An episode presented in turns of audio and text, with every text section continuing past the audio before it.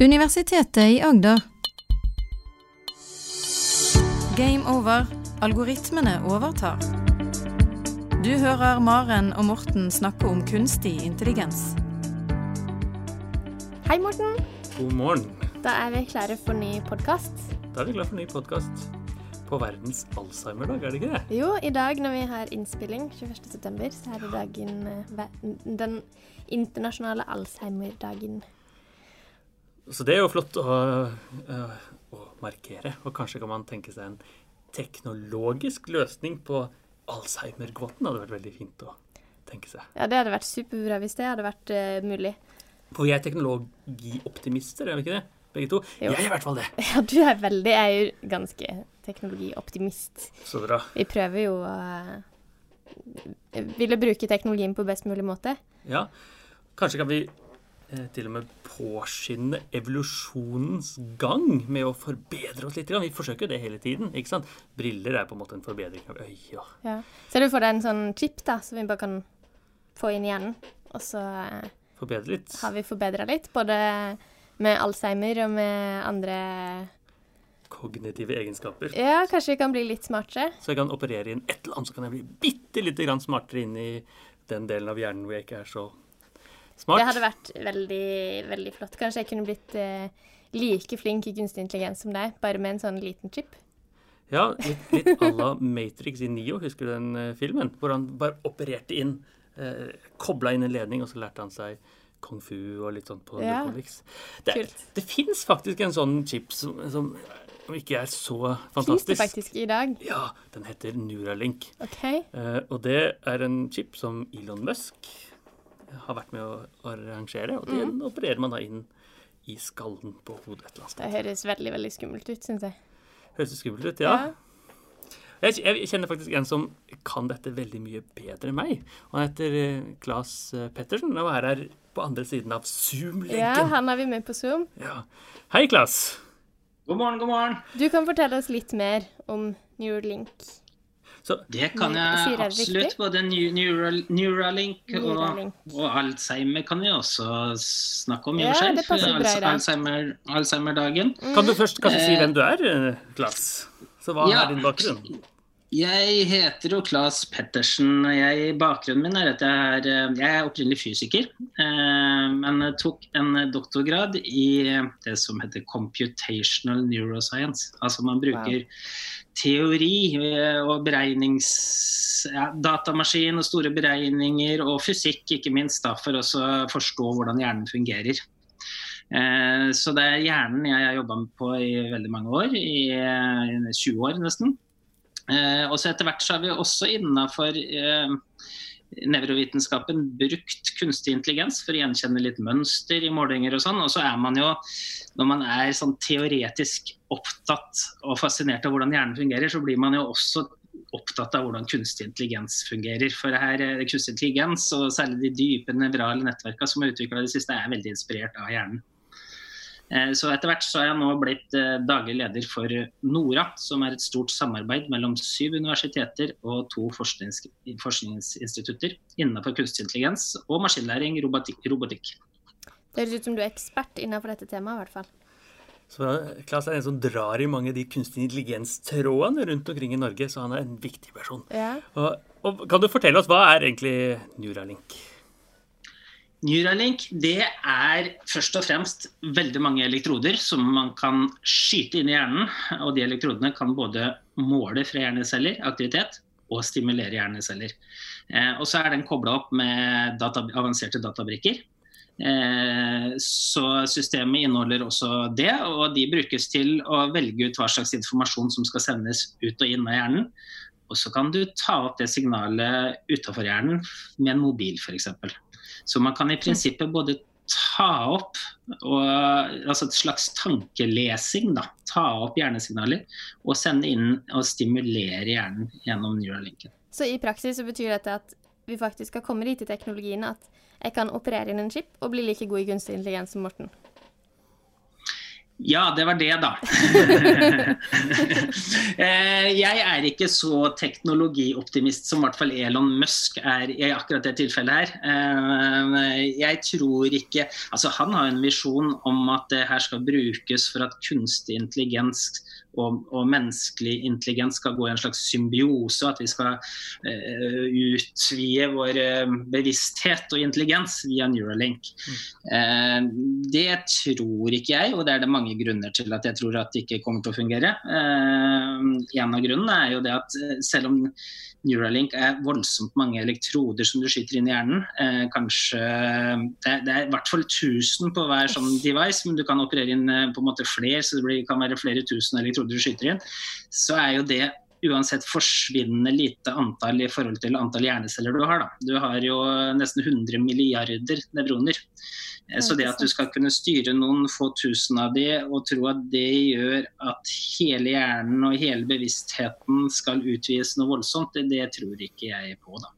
Men det er sånn at de elektrodene de kobler seg rett til en nervecelle, eller like i nærheten av nervecellen, ikke sant? Og så er det sånn at hvis en av de nervene blir avfyrt, skutt på, om man vil, så kan det oppdages av Neuralink.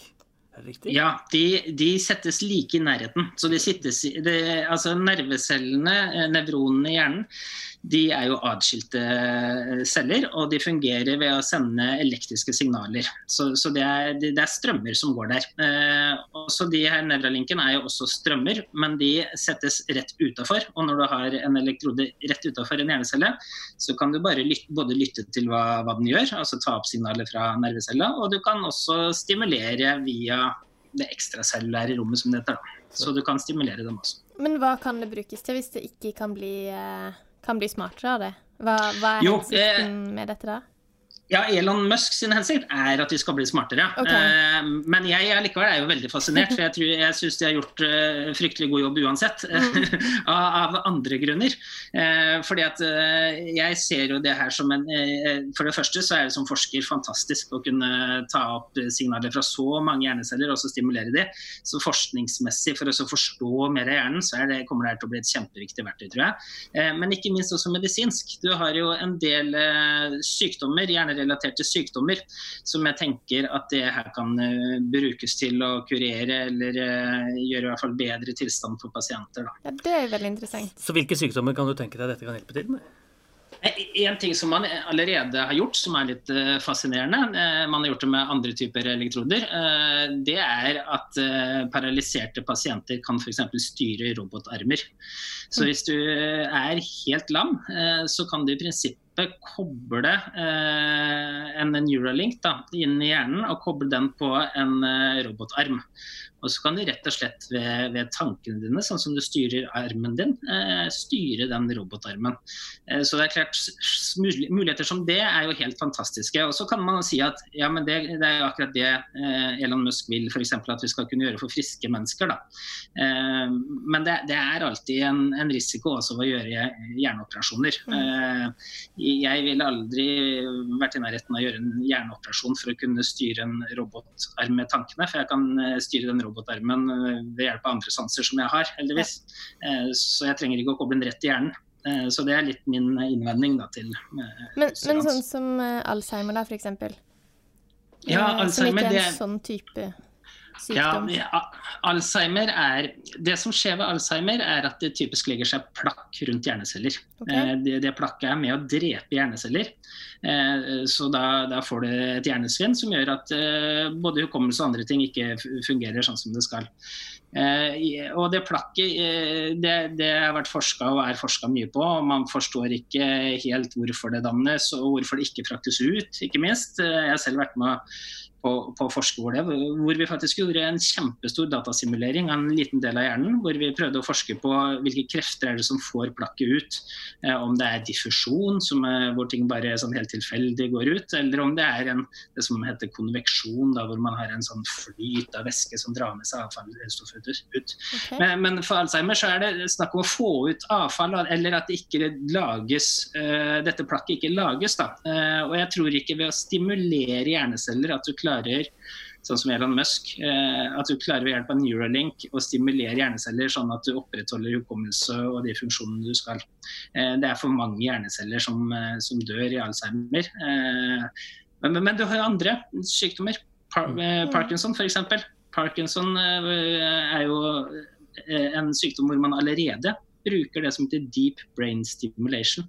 Ja. For å stimulere hjerneceller. Og det, og det, her er jo akkurat det Elon Musk har laget et enda bedre system for. da, At du kan stimulere hjerneceller. Så, Så det... ved Parkinson kan du helt klart eh, f.eks. Eh, stimulere slik at, du, at det hjelper betraktelig på skjervinger, som de har. Mm. Så i dag er det mest på de fysiske tingene. Du kan hjelpe styre en arm, styre eh, muskelspenninger eller eh, fysiske ting, da, ikke nødvendigvis hvor mye du kan eller uh, husker eller sånne type ting.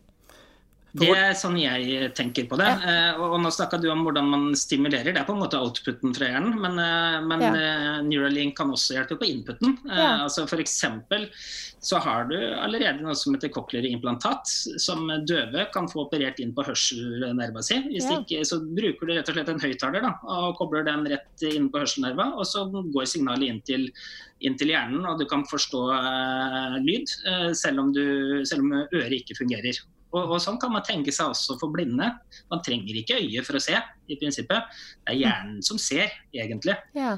Men man trenger øye for å formidle signaler fra verden og inn til hjernen. Mm. Så det er klart at uh, Neuralink kan i prinsippet gjøre det. da, Kobler det til et kamera, og så kan du formidle signalet uh, fra verden og inn til hjernen ved hjelp av Neuralinken. Det er, er, det er det noe prinsipiell forskjell på da å kurere blindhet på den måten? Eller hvis jeg, som klarer å se ganske OK, ser en annen spektrum, f.eks. ultrafiolett. Jeg har, hvis jeg har lyst nå til å se uh, ultrafiolett eller ekstra zoom eller Eller kanskje se bak deg. Bak deg. Ja, se bak meg! Det kunne vært veldig greit. Noe sånt noe. Kan man tenke seg i de baner med Neuralink? Eller, eller for den saks skyld en ekstra arm. Jeg har lyst på to armer til, sånn at jeg blir sånn edderkoppaktig. Ja, det, absolutt. Eh, og det er klart at hvis man eh, kan etter hvert bruke Neuralink til eh, å koble det til et kamera og forstå det, at hjernen forstår det kamerasignalet, så kan man utvide sansene sine. Da kan man se infrarødt, og man kan se andre mm. spekter som man ikke ser. Men, men vil du det da, Morten? Vil du ha en hjerneoperasjon for å se infrarødt? Det fins briller. Eh, det fins briller hvor man kan se akkurat det samme nå. Man kan også se kameraer bak seg hvis du vil, eh, uten å koble det rett i hjernen. Ja, sant. Hvor, hvor, tung er den operasjonen? Jeg skjønner at hvis man opererer inn i hjernen, så er det alltid en risiko, men er det eh, Hvor høy risiko er det? Så Litt frista er jeg til å kunne se infrarødt uten å ta på meg briller. Så hvor ja. Eh, ja. nei, det var jo noe som eh, Elon Musk eh, lagde et lite poeng av og skrøt litt av. da, At det her går utrolig kjapt og effektivt. De har utvikla en robot som gjør operasjonen. Og den skal gjøre operasjonen på under en time, sier han. Så, så, du kan på veien hjem fra jobb så kan du bare gå innom og få operert den, den her på ganske kort tid og gå hjem og spise middag etterpå. Det er ikke en operasjon som trenger Du trenger ikke noe mer enn lokalbedøvelse heller. så det en time, sier eh, Elon Musk at du bruker på det. Det høres jo helt eh, vilt ut. Men hvordan er det da? For den bruker strøm på en eller annen måte, skulle jeg tro. da. Så jeg regner ikke med at jeg kobler til en ledning Det er ikke en sånn jackplug jeg kobler inn, eller en USB-sak som sitter i skallen min. Hvordan er det det fungerer i praksis? Det var det faktisk i den første versjonen. For det, det de, de, hadde en pressekonferanse nå, så, så, var det versjon nummer to. Og da hadde de jobba betydelig på, på, designet der. Eh, så, så det, sånn rent fysisk så ser den ut som en slags tjukk 20-kroning, eh, kanskje litt større enn 20-kroning i diameter. Og så har den tykkelsen eh, til skallebeinet. Så det de gjør nå, er også opper Og så har jo den mange de tråder ut, da, som er disse elektrodene som skytes inn i hjernen. Ja, for det er på en måte så, masse så, nåler? Som ja, masse nåler. Eh, det er som, eh, som, masse nåler. Eh, og hver nål har ikke bare en spiss med en elektrode, den har flere elektroder oppover langs nåla, nåla også. Mm. Så skytes disse automatisk inn i hjernen, og så legger man denne sjølve som inneholder databrikkene, da, den opererer man inn i skallebeinet, så den går i flukt med, med skallen. Og fra utsiden så syns den ikke i hele tatt, da.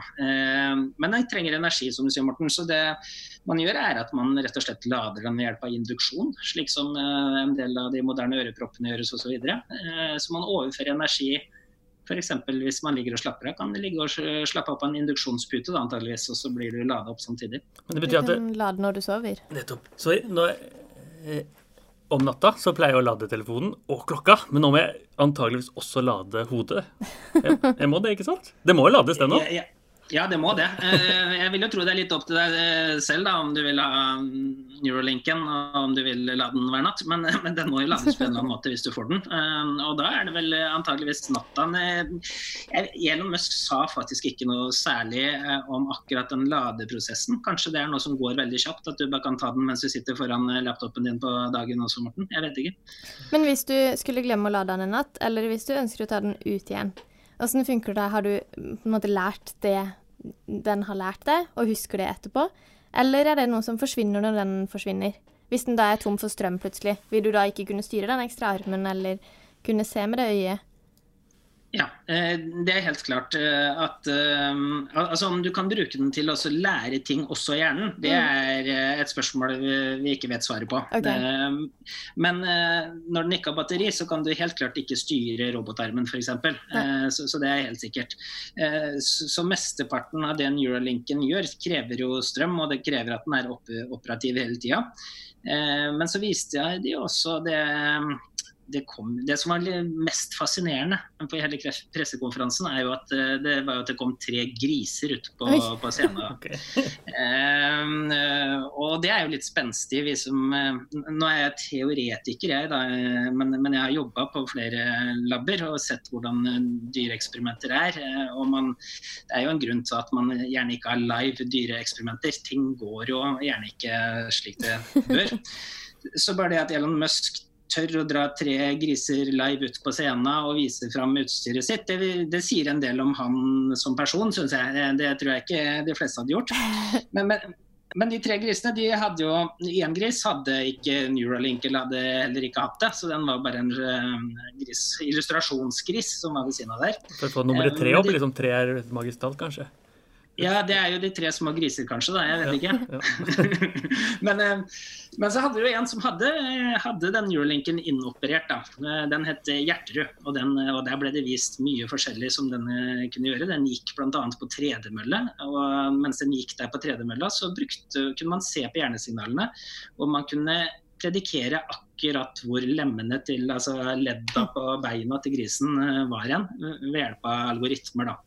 Eh, så, så, det ble vist. Eh, og så hadde du en tredje gris som ikke lenger hadde Neuralink, men som hadde hatt det før og hadde den operert ut. Og det var jo litt av poenget der, da. At eh, som Elon Musk sier, så teknologi forandrer seg jo. Det er ingen som vil ha iPhone 1 nå. Så han, for han så er det viktig at, at neurolinken kan opereres ut og oppgraderes til en ny versjon av Neuralink når det ja. kommer i framtida. Så det er like lett å få den ut som å få den inn? Det skal det være, ja.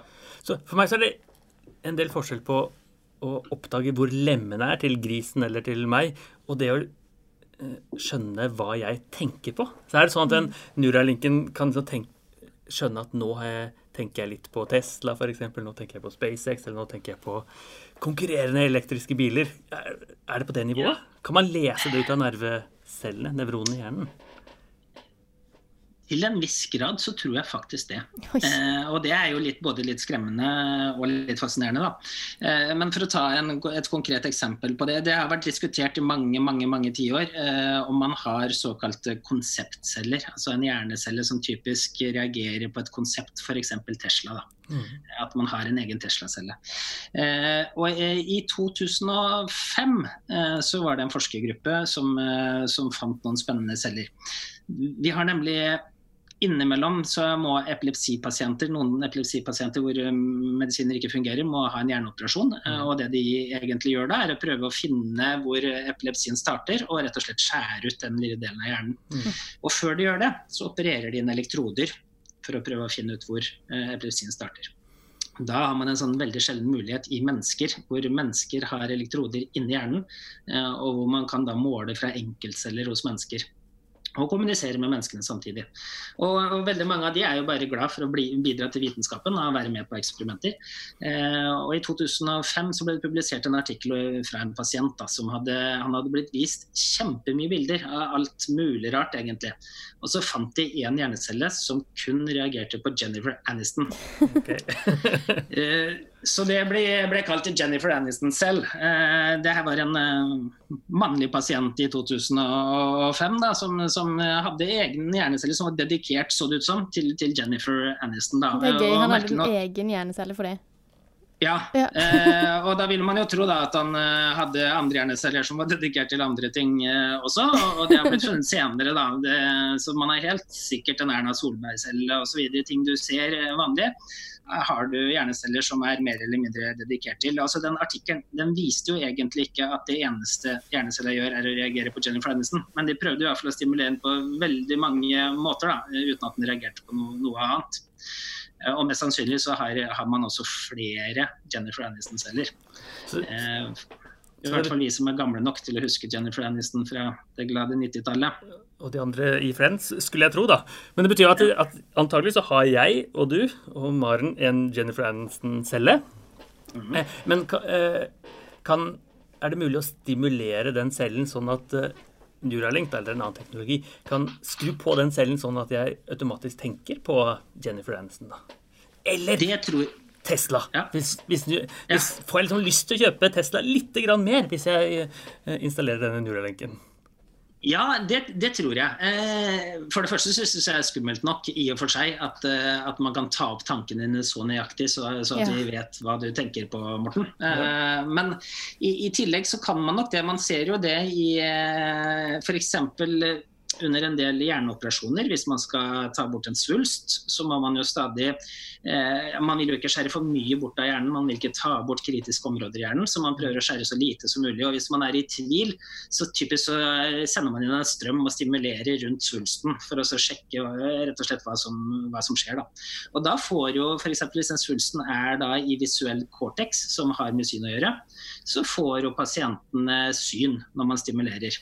Så det med at du stimulerer hjernecellene, det gjør at på en måte du ser altså Det spørs avhengig av hva hjernecellen skal gjøre, da, oppgaven dens. Men, men stimulerer du en konseptcelle, så vil jeg tro at det kan trigge minner, og at du på en måte kanskje får lyst til å kjøpe en Tesla da, hvis du stimulerer Tesla-cellene. Så det kan jo være at jeg da får lov å jeg kan kjøpe en Neuralink litt billigere, mot at jeg hver halvtime får lyst til å tenke på Tesla, eller noe sånt. Ja, det, ja, det er, en ny form for reklame, ikke sant? Sånn, ja, reklamebransjen bør jo hive seg over dette. Reklamebransjen sånn kan jo Du kan slippe å få reklame på TV, du kan bare få det rett i hjernen. ja, for det, det, å gå via øyet og liksom Den ja. tankeprosessen er jo en omvei, da. Hvis du liksom skal eh, skru på Tesla-cellen, eller eventuelt Jennifer Aniston-cellen, ja. eller bestemor-cellen, som jeg tror jeg også har hørt den blitt referert til. ikke sant? Det høres ut som en veldig skummel verden, syns jeg. Så en av de tingene som skjer i eh, fagfeltet forsterkningslæring, som er en, kunst, en del av kunstig intelligens, er at man tar opp disse eh, hvis vi kan godt kalle det minner, men tar opp eventer, hendelser, og så spiller man det om igjen om igjen, om igjen for at man skal lære litt fortere. Så man spiller sjakk da, med en sånn kunstig intelligens, så kan man spille den samme sjakktrekket om igjen om igjen, om igjen, sånn at algoritmen lærer litt fortere. Kan man tenke det samme her, da? Hvis jeg forsøker å lære noe, lære en glose eller noe, istedenfor at jeg leser samme glose ti ganger, så kan jeg lese den én gang, og så kan Neuralink kanskje stimulere den glosen på nytt igjen sånn at jeg lærer litt fortere. Ta opp igjen minnet og spille det av igjen. Ja, Utrolig spennende spørsmål, Morten. For det er jo en av de feltene for oss som er interessert i både hjernen og kunstig intelligens, så er det jo et av de feltene hvor, hvor faktisk kunstig intelligens har også blitt inspirert av hjernen. Da. Fordi at eh, ja, man kan sikkert bruke Neuralink til det òg, men hjernen gjør jo det her allerede. Ja. Eh, og det er litt fascinerende. Eh, så når du f.eks. sover, så er det mange hendelser som, som, du har opplevd i løpet av dagen, som spilles i reprise i hjernen. Eh, I Norge så har vi veldig gode forskningsgrupper på, på stedsans. Eh, Moser og Moser. Mm. May-Britt og Edvard har jo fått nobelprisen også for oppdagelsene som er knyttet til stedsans. Og det Systemet med stedsans har blitt brukt mye til det her. Da. Man kan få rotter til å løpe i labyrinter, og når de løper i labyrinter, så, så ser, kan du lese hjernecellene akkurat hvor de er. Mm. Eh, og det man ser da, at Når den lærer seg en spesiell rute til en belønning f.eks., så har man jo da en spesiell sekvens i hjernecellene som viser akkurat den ruta. Og når den rotta eller musa da hviler, og sover, så ser man at de blir spilt i reprise. Oi. Så det her er av en eller annen grunn en, en, god måte hjernen bruker eh, for å lære ting bedre, antageligvis. Og så har det her igjen da, eh, inspirert av dette, så har man også gjort det i kunstig intelligens. At man eh, for en del oppgaver, ting som er viktige, så, så, så spiller man av de samme. F.eks. hvis man skal lære en kunstig intelligens å spille Atari, mm. altså forskjellige dataspill. Eh, så har man spilt igjen eh, de samme sekvensene, de viktige sekvensene, og brukt, på en måte inspirert av hjernen, brukt det her med replay aktivt i kunstig intelligens. Da. Eh, så det her er en, noe hjernen gjør, og noe som, man, som, er et forskningsfelt også innenfor kunstig intelligens. Hvordan man skal bruke replay og, og ta ut viktige events og spille de om igjen. Og, og, det er helt sikkert også noe man da i prinsippet kunne gjort ved Neuralink, og, og spilt reprise når du slapper av. Mm. Og så kanskje du lærer, lærer ting bedre. Da. Eller når hjernen oppfatter at nå, er, nå gjør gjør du noe mindre viktig enn det vi vil at du skal lære. Så da kan du bare ja. koble på en sånn Nå skal du tenke på den veien der, eller den uh, glosa der, eller Ja. For kan du utnytte tida mest mulig effektivt hele tida? Ja, og så vet man jo ikke da hvor effektivt hjernen faktisk utnytter tida. Kanskje, kanskje det bare blir trøbbel hvis du driver ja. og prøver å gjøre ekstra mye mens du slapper av. Det, det er ikke sikkert at det, det nødvendigvis gjør at du lærer ekstra mye. Så jeg har fabulert litt når hvor effektiv hjernen er. Det er bare ikke noe faglig basert bak dette, men jeg har liksom tenkt litt. da. Og det, Når vi ser på f.eks. Nio i Matrix lærer kung fu i løpet av noen få sekunder, så har jeg tenkt at, at språket må jo spille en stor rolle til hvordan vi lærer, og hastigheten vi lærer. Så når jeg snakker, så kan jeg snakke ved en viss hastighet, og så kan jeg snakke litt fortere, men det går en begrensning et eller annet sted. Og når jeg hører noen snakke, så kan jeg liksom eh, høre de snakke fort. Og hvis jeg hører på en podkast, kan jeg kanskje høre den tre ganger så fort og fire ganger så fort, men et eller annet sted går en grense. Mm. Og for meg så er det veldig rart at den grensen på å lære noe er akkurat eh, øret som sier 'nå er trommesakene og disse beinene Trommehinnene, ja. Begrensning på den. Så jeg har tenkt da at språket er eh, utviklet, altså tunga og ørene er utviklet sånn at språket kan være på en hastighet sånn at hjernen kan lære eh, veldig effektivt. Så jeg har tenkt liksom at grunnen til at vi snakker så sakte som vi gjør, da, er rett og slett fordi hjernen skal henge med. Er det noe vitenskap bak dette, denne fabuleringen, klasse, eller er det bare eh, Det er jeg ikke helt sikker på, men det regner jeg med det er. Men, men, men eh, det er jeg ganske sikker på. Det, det, altså, det, her er jo også noe man opplever selv, at hvis man særlig hvis man leser litt komplekse tekster, så er det ikke først og fremst lesehastigheta som er begrensende. Det er jo det at hele hjernen skal henge med på resonnementene. Eh, og det er også en innvending jeg har mot Musk sine tanker. Det er ikke bare å ha masse informasjon i en chip i hjernen og kunne laste den inn i hjernen veldig fort. Eh, fordi at hele systemet, du har som jeg sier, nesten 100 milliarder hjerneceller som mm. sammen er med da, på å skape deg. Eh, og veldig mange av disse hjernecellene skal da henge med. Uh, og, og, mennesker opp oppfatter jo tid antageligvis, da, eh, så, så er den begrensende faktoren der vår egen hjerne. Og, og, dyr, andre dyr oppfatter helt sikkert tid uh, annerledes. Uh, men skal man henge med med hele hjernen, så, så nytter det ikke også bare kjøre på med masse informasjon. Det merker man jo selv hvis man prøver å lese noe litt for fort, så, så henger man ikke med. Mm. Så antakelig skal vi ikke koble Neuralink via Bluetooth til en Wikipedia-app, og så få most inn hele kunnskapen som finnes der. Det er noe begrensninger igjen, rett og slett. Ja, man kan helt sikkert koble til Wikipedia, sånn at hvis du tenker på et spesielt konsept, så kan du få opp Wikipedia-informasjonen for det, på en måte. Men det kan man jo også google seg til på, på mobilen, da, og det er mm. kanskje mer effektivt for, å gjøre det. Eh, synet. Synet og hørselet og våre sanser er ekstremt effektive input til hjernen. Altså. Eh, så det skal mye til å prøve å konkurrere ut i ved å koble ting rett til hjernen, tror jeg. Så vi er ikke der i dag at alle burde løpe ut og få seg Neuralink eh, ennå. Vi, vi, må vente litt før vi får lov å operere inn i mennesker, skulle jeg tro. For det er, det er et liten vei fra grisene til uh, at jeg kan skaffe meg en. Når kan jeg kjøpe en, egentlig? Ja, interessant spørsmål. Men det som var spennende, da, og jeg, som jeg tror var en av hovedgrunnene til at Elon Musk holdt en pressekonferanse nå i august om dette, er at de er i en prosess med det som heter FDA, Food and Drug Administration i USA. Eh, hvor de sikter da på å kunne operere inn det her i mennesker. Og da er de, de sa ikke så veldig mye om det, men da har de helt sikkert sikta seg inn på, vil jeg tro, en spesifikk pasient gruppe okay. som trenger det her. Eh, og, og, som jeg sier, det her har vi jo fra før vet vi jo at f.eks. paralyserte har fått eh, inoperert en lignende ting, riktignok med mange færre elektroder og en på en måte ser veldig gammeldags ut i forhold til det du ser på Neurolink. Men det her har jo skjedd allerede tidligere. Så, så det er helt klart en prosess for å få det her inoperert på, på mennesker, og da på pasienter. Mm. Eh, og så er det et kjempesteg derfra eh, fra at FDA skal kunne godkjenne det her i en spesiell pasientgruppe til at de eventuelt kanskje skulle kunne godkjenne det på friske mennesker. Jeg tror vi aldri kommer dit, som sagt. Eh, men det her er jo noe de jobber, jobber med, da. Det er jo kanskje litt betryggende å høre òg, at uh, dette er en vei å gå før vi er der. Så, som, uh, og at det kanskje aldri skjer, som du sier. Jeg tenker at Eksamen på universitetet må bli veldig vanskelig, for det er veldig lett å jukse med en sånn Neuralink inn, inn. Ja, men er det da juks hvis du har noe i hjernen som hjelper deg til å kunne det, så tenker jeg at da har du jo det alltid. Så vi hører, så på, vi hører jo på Klas her at hvis det er, ligner litt på hvordan jeg bruker mobilen til å se på ja. Wikipedia, så forskjellen er bare at mobilen er, er ikke der. Det er sant. Så det jeg også tenkte, det var så en av de store spørsmålene i AI-verdenen og andre steder er jo hva intelligens egentlig er. Så det jeg så for meg, at vi kunne finne liksom en, kanskje verdens smarteste menneske, og så operere inn litt Neuralink hos han eller hun. Eh, og så kan man finne en idiot, og så operere en liten Neuralink. Og så kan man se aktiviteten av hun eh, smartingen og han idioten, og så se hva er det som egentlig er forskjellen på disse to hjernene. Og så kan man da skjønne ja, forskjellen på dette må jo være intelligens.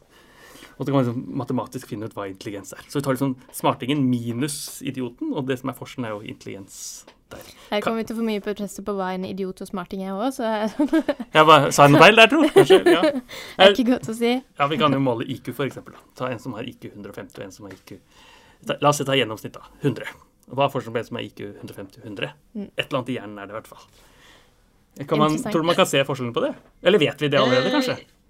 Ja, altså det her, det, de, Teknikken du tenker på der, blir jo brukt til veldig mye type hjerneforskning. At, uh, altså Hvis man vil prøve å finne ut hva en spesifikk funksjon gjør i hjernen, hvordan den på en måte speiles i hjernen, da, hva som er korrelat i hjernecellen til den aktiviteten, så, så bruker man jo da uh, mennesker eller dyr da, i eksperimenter. Og så ser man på hva, hva skjer hvis man ikke, har, ikke, gjør den oppgaven, eller ikke er smart, som du sa. da. Mm. Eh, og hva er forskjellen her? Og så tar man, tar man ser på forskjellen, og så prøver man å finne ut hvilke hjerneområder for eksempel, som er aktive eh, mer da, hos en som er veldig intelligent, som du sa, mot en som ikke er så intelligent.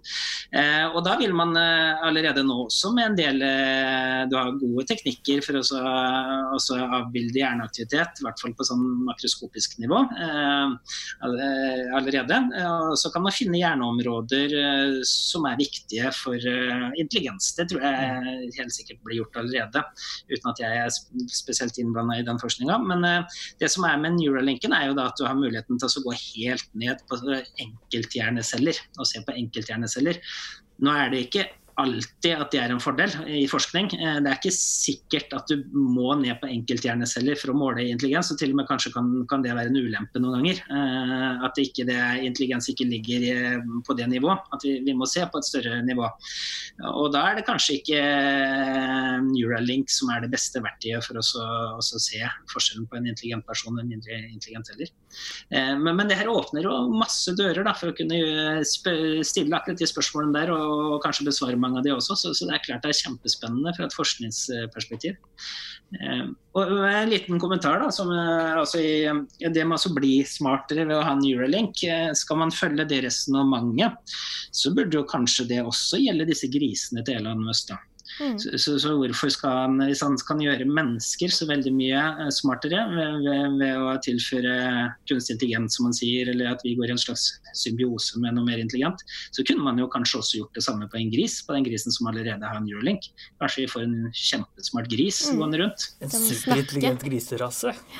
Ja, Kan snakke og fortelle oss uh alt vi burde vite om de. det minner meg om den boken Animal Farm, hvor grisene tar over gården. Jeg vet ikke om dere har lest den, men det er ja. Ja. Så det kan jo skje, da, hvis vi får superintelligente griser. Ja. Ja. Ok.